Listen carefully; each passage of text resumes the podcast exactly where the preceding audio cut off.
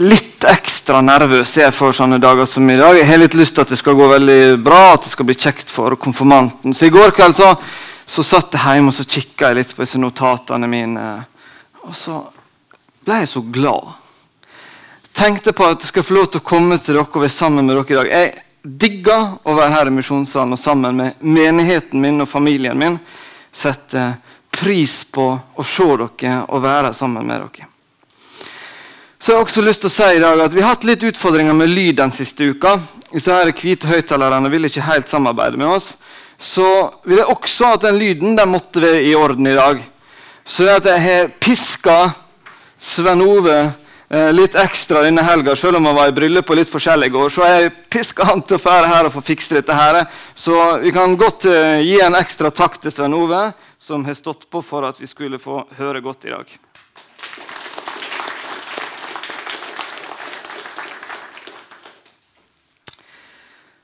Ord er viktig.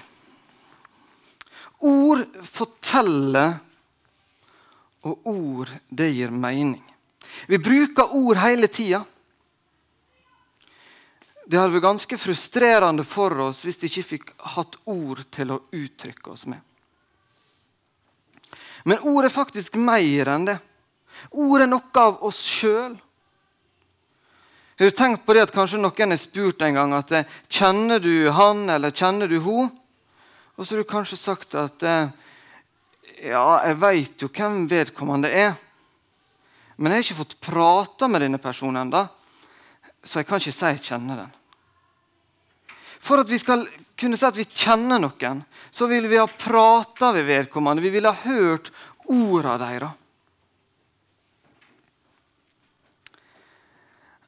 Vi kan av og til legge egentlig mye av oss sjøl også inn i orda vi sier.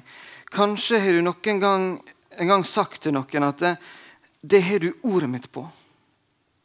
Det er liksom enda sterkere enn å si 'jeg er helt sikker'. Jeg garanterer meg at du har ordet mitt på at dette her er sant. Skulle det da vise seg at det ikke stemte, så vil det være, det vil være et litt nederlag for oss. Fordi at vi har virkelig gitt noe av oss sjøl inn i ordene våre. Når Johannes skal eh, skrive si beretning om hva som skjedde med Jesus da han kom til jord, så velger han å, å se vekk fra det som fysisk skjedde. Maria, Josef, englene, Betlehem. Det, det er ikke han så opptatt av, men han er opptatt av hva dette betydde for oss. Og da skriver Johannes. I begynnelsen var Ordet. Ordet var hos Gud, og Ordet var Gud. Det var Guds ord som kom til verden. Ingen har sett Gud. Og du kan si, Hvordan kan vi kjenne Han da? Jeg sa jo nettopp i stad at vi sier ofte at vi kjenner ikke noen før vi snakker med dem, hørt deres ord. Men det er derfor Gud ga oss sitt ord. Jesus Kristus er Guds ord. Når Jesus kom til verden, så kom han til verden for at han skulle være Guds ord, så vi kunne lese, høre, forstå, sånn at vi kan ta imot Gud. Fordi at vi kan bli kjent med Han gjennom Hans ord. Men også den andre betydninga, den om, å, om å, at dette kan være en garanti, at vi derfor kan stole på det, stemmer også. Gud ga oss en garanti på at han er den han har gitt seg ut for å være. Det er som at Gud sier dere kan stole på at jeg er den jeg alltid har vært, og den jeg sier er. Fordi at jeg har sendt dere mitt kjæreste. Jeg har sendt dere mitt ord, Jesus Kristus. Han har gitt oss det som en garanti på at han er den han gir seg ut for å være. Så kan vi si at ja, men, eh, men Nytestamentet, som handler om Jesus eh, Det er 27 bøker skrevet av forskjellige forfattere. Kan vi stole på denne historien? Er det grunn til å tro at dette er sant? Det er ikke så mange år siden Dan Brown kom med boka 'Da Vinci-koden', som forteller helt annen historie om Jesus. Det er også flere andre bøker som forteller en annen historie om Jesus, eller sier at han ikke har eksistert. Kan vi da stole på Guds ord? Jeg er ganske sikker på at de aller fleste, kanskje alle av oss som er her inne, på et eller annet tidspunkt har stilt oss det spørsmålet. Kan vi stole på, på Guds ord? Har Jesus en gang levd? Er det sant?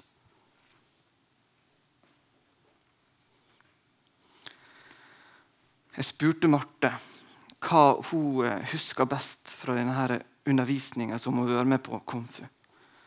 Så sa hun at noe av det som satt best, det var dette med å å snakke om troverdigheten til Bibelen. Vi skal se på noen sitat fra kjente forskere. En som heter Robert van Worst, en amerikansk nytestamentlig professor som har spesialisert seg på ikke-kristne kilder om Jesus.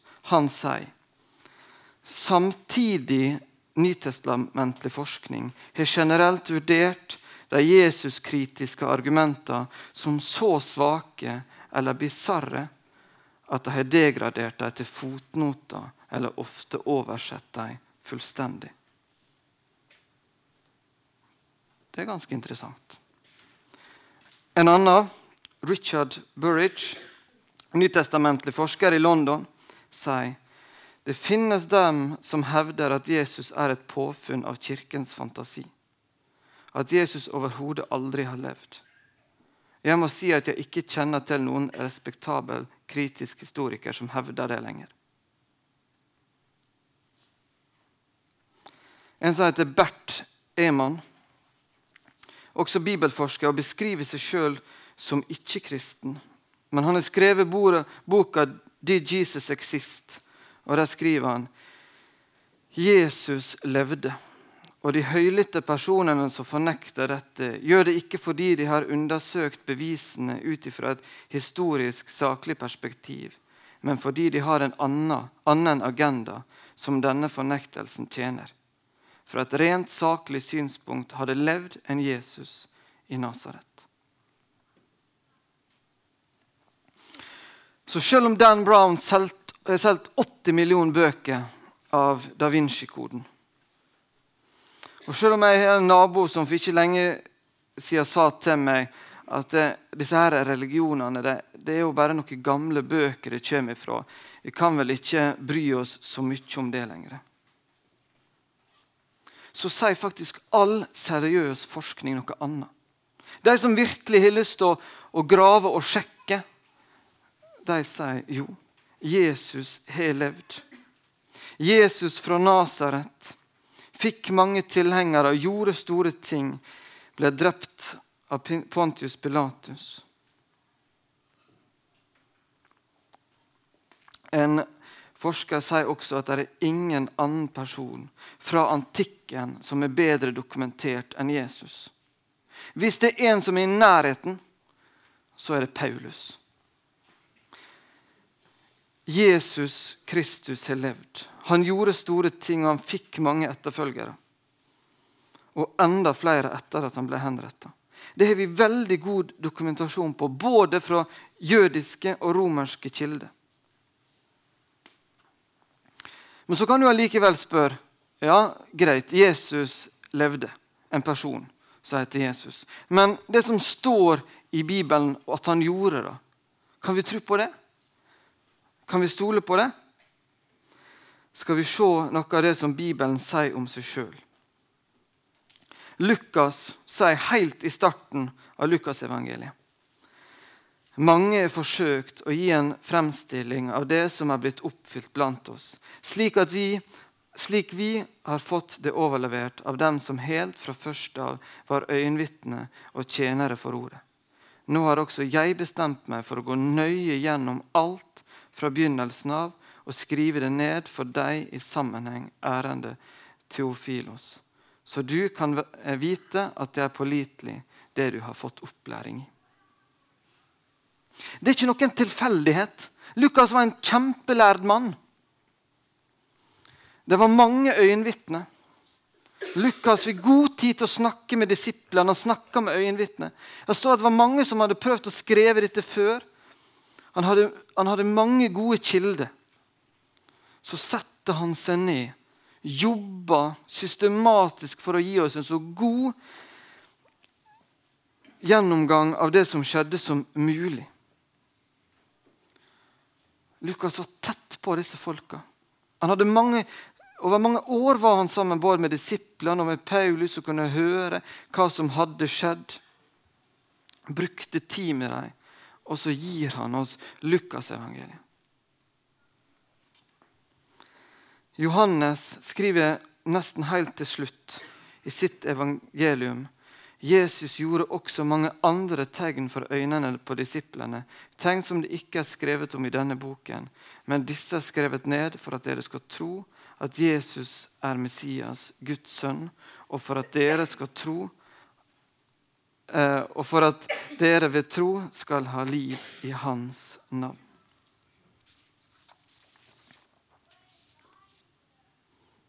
Johannes han hadde sett dette sjøl.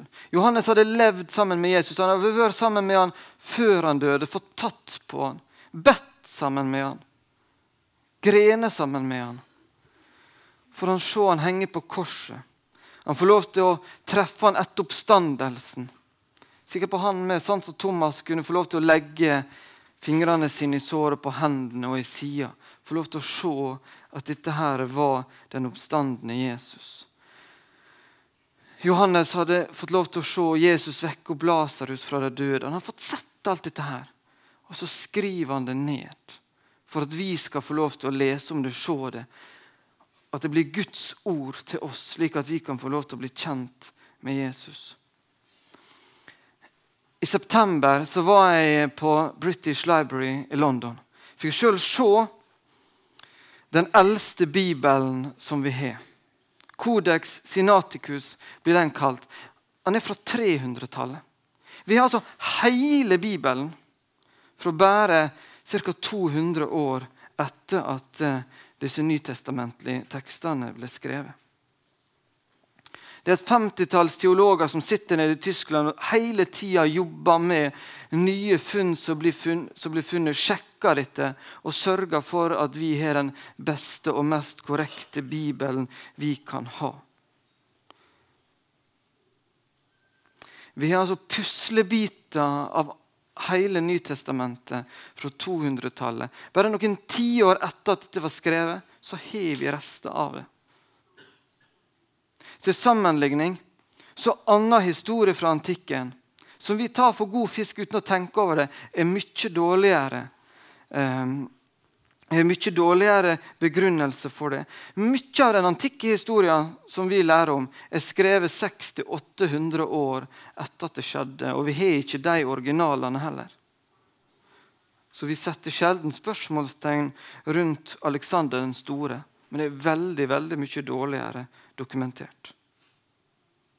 Så det er blitt lagt ned en veldig stor innsats for at vi skal ha en troverdig, pålitelig bibel.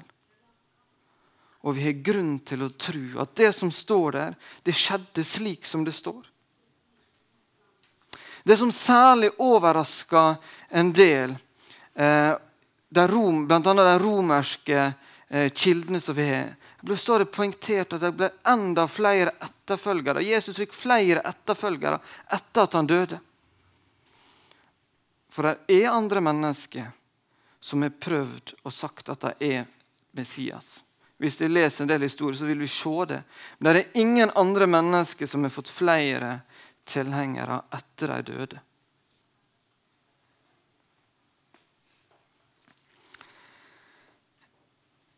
Og det har han gjort fordi at han var Guds sønn.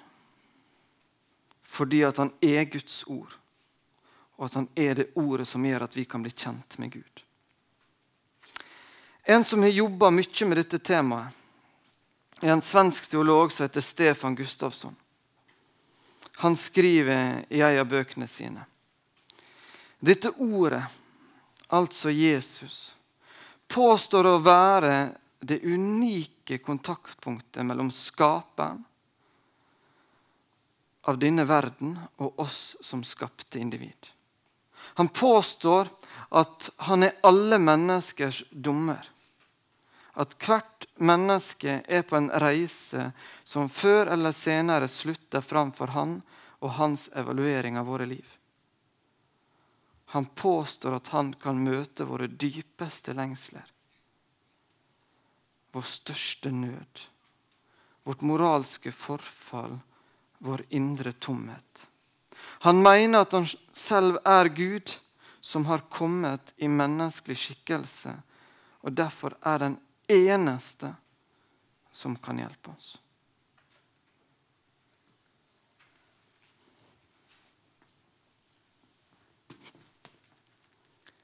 Ganske interessant. Tror de kan synke litt inn disse ordene her.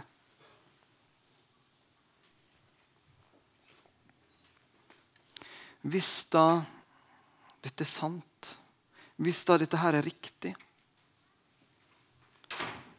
er ikke det da uheldig å ignorere det?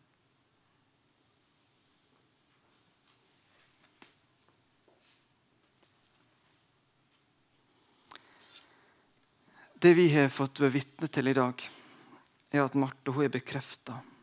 At hun tror at Jesus er og var den han ga seg ut for å være. Hun har i dag gitt oss sitt ord på at hun vil tilhøre ordet som Gud ga oss.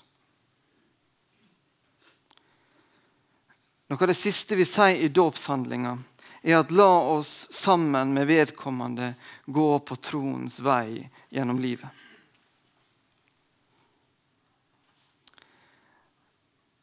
Så I dag så kan vi si at vi vil fortsette å gå sammen med Marte på truens vei gjennom livet. Og tro at dette Jesus sier om seg sjøl, det er sant. Jeg er glad for at vi har slike som Marte i menigheten vår. Så min bønn er at vi stadig flere kan få lov til å velge å si ja til Jesus og hans ord. Og gå på truens vei gjennom livet. Å stole på Guds ord, Marte, det vil føre med seg mye bra. Det fører velsignelser med seg å tro på Guds ord.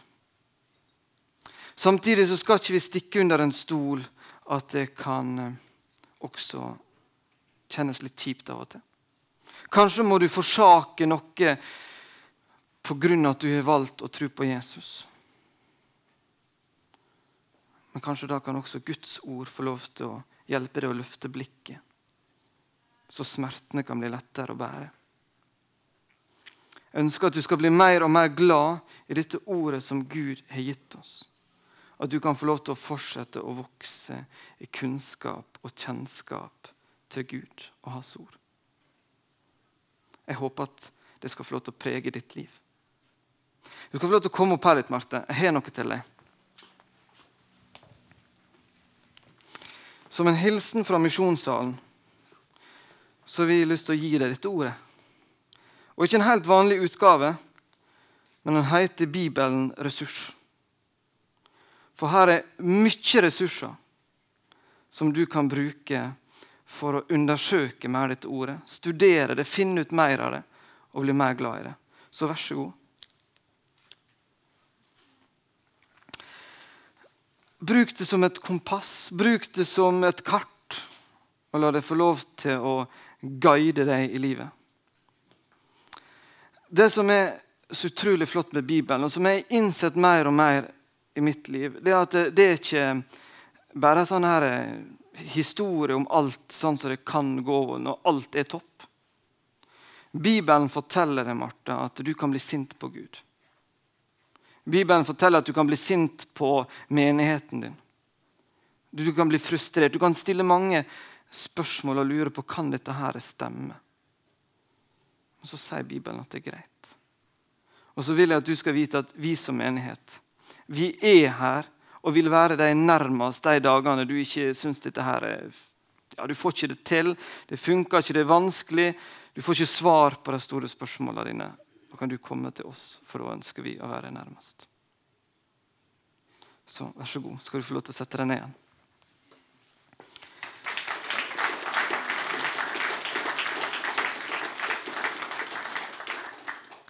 Til slutt så leser vi litt senere i Johannes 1, litt senere enn det vi begynte med i dag, så leser vi hva mulighet vi har, vi som vil tro på dette ordet. Men alle som tok imot ham, den ga han rett til å bli Guds barn. De som tror på hans navn. Amen.